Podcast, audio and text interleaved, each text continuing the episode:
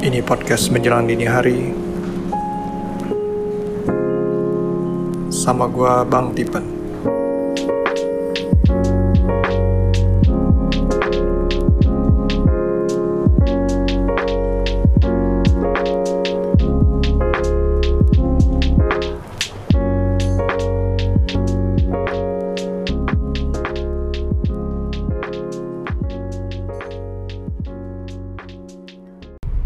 Halo, selamat pagi ya semuanya. Apa kabar? Kembali lagi sama gue Bang Tipen di Menjelang Dini Hari Podcast. And today, um, I would like to tell you something important. Ini penting buat gue dan penting buat kalian semua untuk tahu bahwa episode ini episode terakhir dari podcast Menjelang Dini Hari.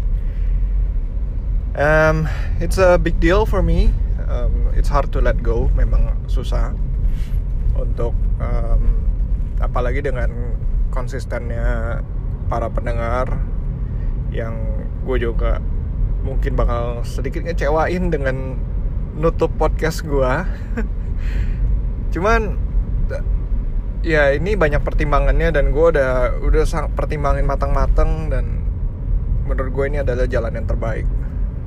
So I'll tell you more about the reason ya nanti di penghujung acara. Cuman kali ini gue tetap mau ngasih konten buat kalian supaya even though ini episode terakhir itu masih uh, bisa kalian dengarkan dan kalian ambil hikmahnya dan semoga berguna juga buat kalian uh, di kehidupan kalian nantinya. So, what I'm gonna talk about is temennya dari Law of Attraction. Mungkin kalian semua udah tahu mengenai Law of Attraction ya. Itu dipopulerkan oleh buku The Secrets yang karangan Rhonda Burns. Rhonda Burns, I think namanya. Jadi Law of Attraction itu mengajarkan bahwa di dunia di alam semesta ini ada satu hukum bernamanya hukum tarik menarik. Jadi as they say the the the apa same bird flocks together. Jadi intinya dengan pikiran yang positif kita akan menarik lebih banyak hal-hal positif lainnya. Kayak misalnya uh, dalam konteks ini otomatis gue selama ini kan selalu ngomong mengenai kekayaan ya gitu. Gue mau tajir gitu ya. Jadi lu harus pikir bahwa diri lu uh, I'm a money magnet gitu. Gue magnet uang magnet uang dan akhirnya semua uh, pikiran semua uang akhirnya tertarik karena dia merasa satu frekuensi sama lu itu uh, law of attraction basically. Dan ketika juga lu orang optimis lu akan tiba-tiba menggeser sendiri teman-teman yang pesimis keluar dari hidup lu entah kenapa. Entah lu akhirnya nggak nyaman sama mereka atau mereka yang nggak nyaman sama lu yang terlalu optimis jadi seperti itulah cara kerja law of attraction. Cuman banyak hal yang uh, secara kekayaan ya ngomongin finansial ya. Jadi banyak orang nggak melihat sisi yang satu lagi gitu di mana ada sisi lain dari law of attraction which which is uh, law of allowing. Sometimes itulah kejelekan dari kita. Apalagi kita yang udah ditanemin hmm, banyak uh, subconsciously uh, thoughts atau peribahasa-peribahasa zaman dulu yang membuat kita nggak nggak mengizinkan diri kita sendiri untuk menjadi orang sukses. Contohnya um, peribahasa bersakit-sakit dahulu, bersenang-senang kemudian. Nah itu kan uh, kayak ibarat lu kalau misalnya mau senang lu harus susah dulu gitu. Sedangkan ada nggak orang yang tajir, kaya banget gitu ya, semua hidup dia enak, tapi nggak pernah tuh ngalamin namanya susah hidupnya. Ada nggak? Ada bos. Gue pernah ketemu soalnya.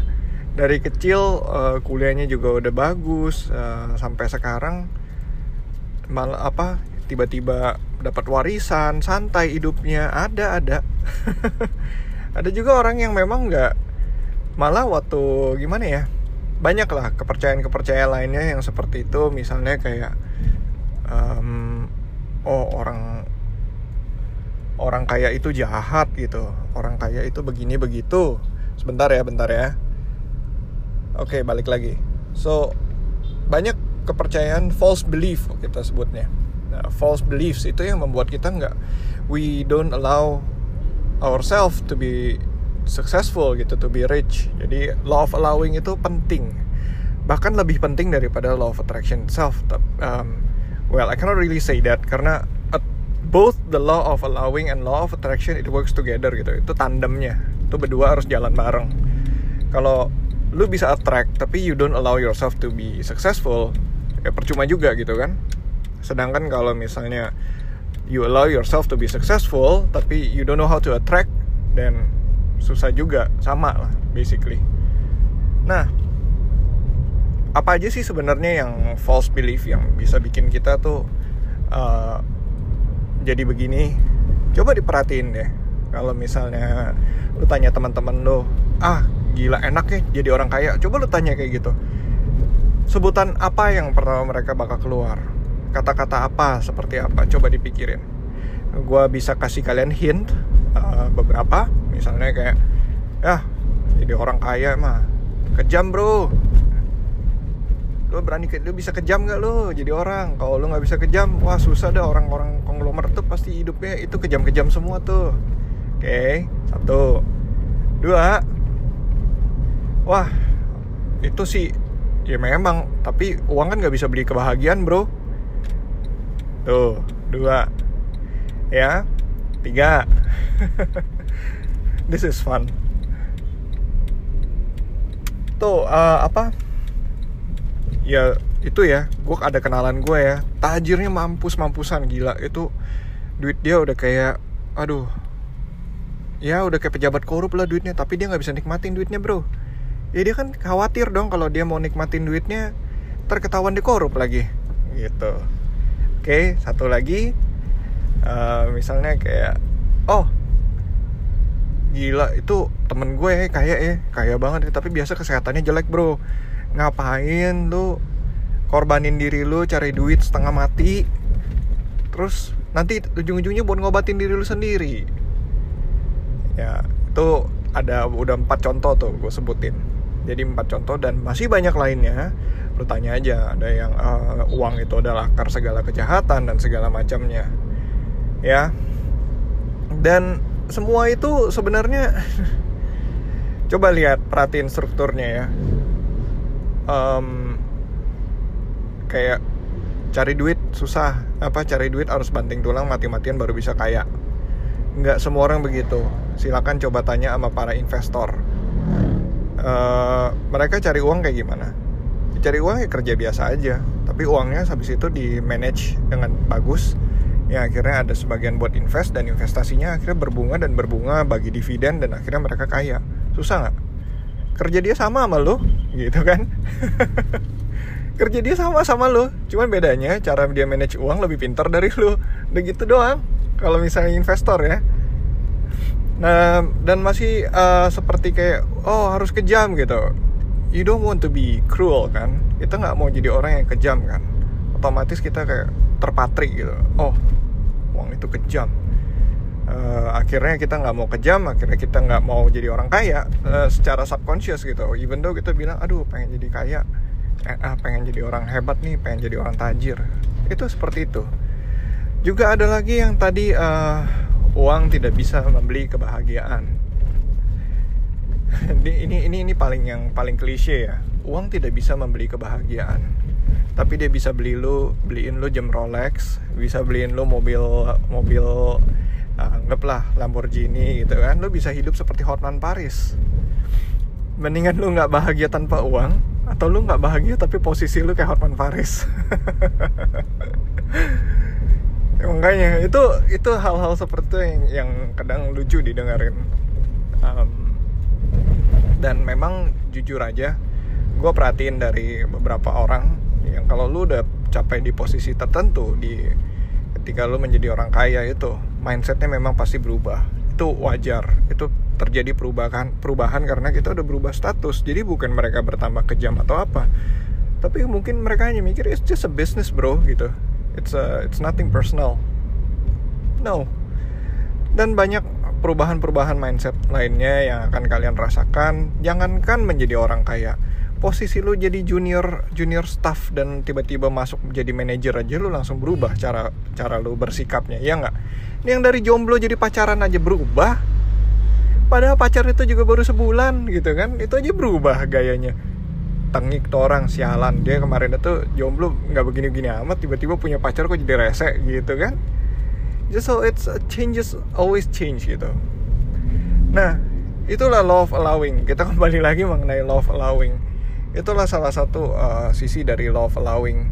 Ketika kita menanamkan banyak yang uh, hal-hal seperti itu uh, maksudnya kalimat-kalimat seperti itu di, tiap kali diulang-ulang di masyarakat yang akhirnya menjadi part of our subconscious yang sebetulnya 80% tindakan kita itu kan selalu dikendalikan oleh uh, subconscious mind kita. Ya enggak coba sekarang uh, gue tunjukin lu warna merah di sebuah minuman hitam gitu kan? Itu kan otomatis lu udah langsung relate oh itu Coca Cola padahal dia nggak ada brand Coca Colanya di situ. Mungkin aja itu Big atau apa tapi lu udah langsung relate oh itu Coca Cola dan segala macamnya. Ya itulah contohnya uh, tindakan-tindakan kita yang subconscious terus kita udah langsung kebayang not really kebayang ya tapi tiba-tiba apa ya reaksi badan kita tuh sepertinya udah langsung mengingat ketika kita uh, minum Coca-Cola tuh seger atau apa dan akhirnya lu beli. Seperti itulah subconscious how subconscious works itu they work with your emotions basically. Tapi itu uh, penjelasan di lain waktu yang nanti akan gue jelaskan. Lalu ada lagi mengenai love allowing gimana caranya bang buat supaya gue mengallow myself to be rich to be successful? Jujur it's not easy.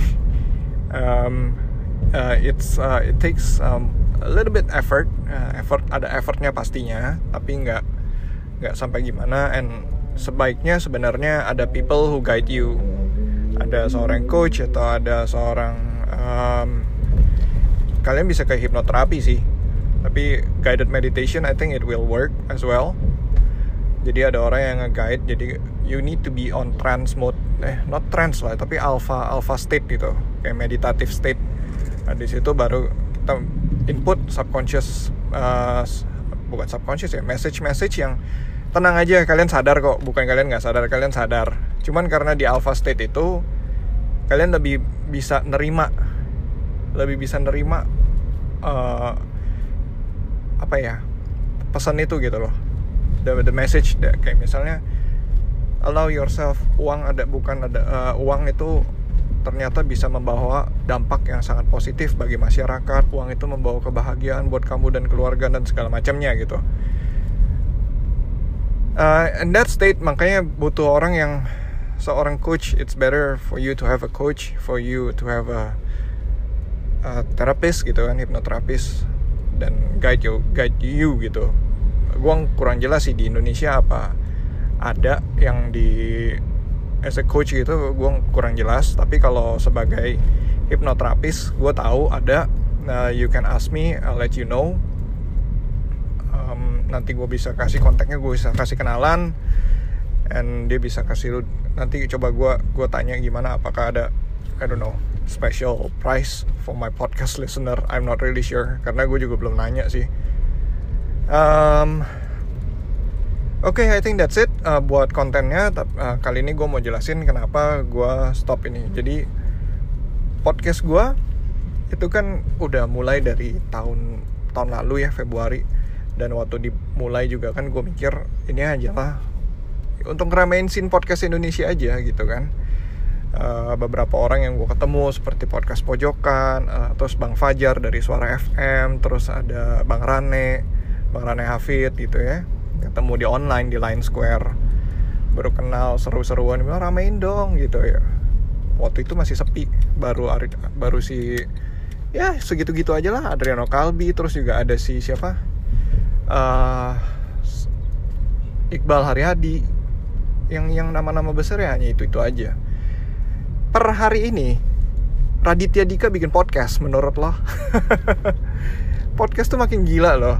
I mean banyak orang-orang yang bikin konten podcast dan itu ramenya bukan main. Dan jujur aja kontennya hampir sama sama apa yang gue ngomongin dan I don't see any differences at all nowadays gitu. Ujung-ujung gue liat topik gue ya the content ya gitu-gitu aja.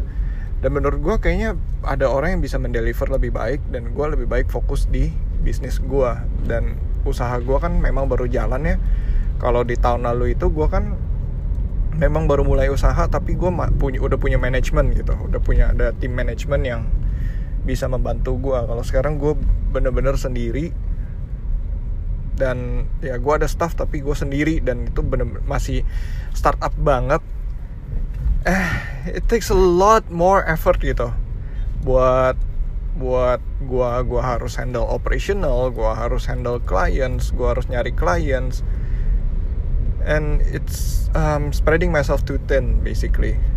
Daripada gue akhirnya ketunda-ketunda gini bikin konten gue juga malu hati. Ngelihat pendengar gue gue udah janji nih oh minggu depan gue mau rajin. Akhirnya enggak. Gue malu sih gue sebenarnya. Kayak kemarin insta live gue bilang oh god mau live IG live itu tiap hari Selasa tapi enggak udah dua minggu enggak itu malu kan. Jadi akhirnya gue decide oke okay, gue close aja deh. Gue close dengan begini ini akan menjadi lebih baik buat uh, kita semua gitu. Buat lo juga. Ya banyak podcast lain yang bisa didengar. Dan buat gue juga gue nggak mikirin gue I have more focus. Dan lo tahu sendiri gue dengan fokus itu tuh kayak sangat menekankan fokus kan selama ini. Nah so what's next ya kalian bisa pantengin gue di IG Bang Tipan. Gue lagi mau ngembangin web web uh, sorry digital marketing agency gue Orion Scope. Dan ada juga media yang nantinya memang lebih terfokus. Nah itu juga salah satunya. Menjelang dini hari itu targetnya kan audiensnya nih sorry bukan target ya kesannya kayak gue nargetin banget.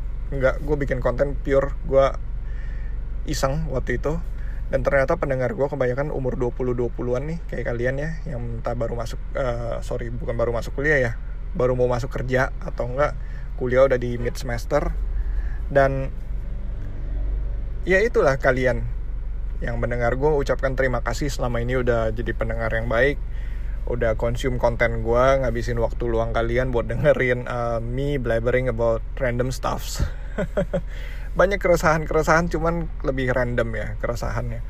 Dan gue I hope what I share to you itu benar-benar berguna buat kalian. Karena gue di umur 30-an nih gue itu nge-share berdasarkan pengalaman pribadi gue yang hopefully I don't repeat or hopefully I can enhance gitu. Bisa diperbaikin atau nggak bisa diperbaik waktu diperbaiki di lebih bagusin di umur 20-an kemarin. Sekarang gue udah 30-an, I actually need someone in their 40s to tell me what apa ada apa gitu di umur 30-an. Makanya gue listen to Gary V yang mereka udah udah udah jalanin kan. 30-an itu dia udah di umur 40-an dia kasih gue kasih kita input. So um, sedangkan gue mau mulai di project media gue media mengenai spiritual mindfulness uh, personal growth uh, healthy living gitu yoga ya di nafas.id sekarang webnya belum ada domainnya udah gue beli sekarang kita baru di Instagram baru ada account cuman um, probably by the time you listen to this terus uh, dua minggu lagi mungkin udah ada webnya udah bisa diakses tapi untuk kontennya masih sangat sedikit karena yang nulis juga baru gua So please be patient. Di Facebook udah ada karena Instagram udah ada, Facebook page juga udah ada. So if you're interested in this, those kind of stuff, uh, please follow us. Gitu, gua gua sangat membutuhkan input uh, topik seperti apa sih yang kira-kira kalian mau gitu. Let me know gitu. Uh, and comment comment to us. I'll be glad for me to know ada pendengar menjelang dini hari gitu yang yang bisa apa ternyata interested sama meditasi dan segala macamnya terus ikut ke nafas gitu gue rencana gue ke depannya ya gue akan bangun podcast media lah basically media kan juga. Ada news ada YouTube ada podcast semua di nafas nafas itu project nafas Indonesia ya. Tapi untuk menjelang dini hari I'm really sorry and both sorry and thank you for you guys for staying in tune until today. You can still listen to my podcast uh, karena kan memang di host di Anchor. And if I someday mereka berubah jadi berbayar and I semoga nggak gitu mahal. Jadi gue pengen keep the podcast uh, exist masih ada. Um, I'm not really sure sampai kapan tapi I believe lihat dari pendengar apa dari statistiknya ngelihat kayaknya masih banyak yang berminat dan masih banyak yang butuh uh, masih banyak yang butuh konten gue so gue will keep it running gitu. Tetap tetap ada tapi gue nggak update lagi so as usual follow me uh, di Instagram. You can DM me at Bang Tipen. I'm really glad I will be really glad kalau gue bisa dengar pesan dari kalian. It's uh, it's truly an honor. It's truly an honor gue bisa sharing bersama kalian for this past uh, satu tahun dua bulan ya. Udah setahun dua bulan gue bisa sharing ngobrol sama kalian. Ada beberapa yang DM gue dan gue senang banget setiap kali gue terima DM kalian uh, itu semua behind the scene kalian nggak tahu how excited I get when I get oh my god there's a new question gitu. Dan ini dari pendengar gue dan gue I can really share um, uh, what my story is and I can actually listen to your story gitu kan. Um, yeah that's it. I, I really want to say thank you once again. And I hope I can see you someday um, meet you someday di lain kesempatan okay this is Bang Tipen from podcast menjelang dini hari I'm signing out I'm logging off thank you for this past one year. Goodbye. Hey, podcast listener, thank you for listening and thank you for giving me your attention. Kalau mau reach gue bisa di Twitter at Bang Tipan atau di Instagram juga bisa di podcastmdh. Uh, kalian bisa dengerin podcast gue sebenarnya di berbagai platform ya, um, Castbox, uh, Overcast, Apple Podcast, Google Podcast. Cuman Spotify ini yang belum masuk. Uh, gue juga pindah ke pindah hosting ke Anchor, jadi harusnya sebentar lagi masuk ke Spotify. I'll let you know. Kalau menurut lu podcast gue itu menarik dan bisa di share, tolong bantu gue untuk uh, menyebarluaskan podcast gue ini. Tolong di share ke teman-teman dan keluarga. Uh, it will be very helpful dan selalu jangan lupa subscribe, uh, follow, tinggalin rating dan comments. Uh, kirim pesan apa aja, um, topik yang mau gue bahas, atau pertanyaan, atau kritik dan saran. Silakan kirim aja bisa ke email juga bisa. Oh ya email di menjelang dini hari at outlook.com. Oke, okay, atau di social media DM aja langsung. Alright, sekali lagi, thank you, bye bye.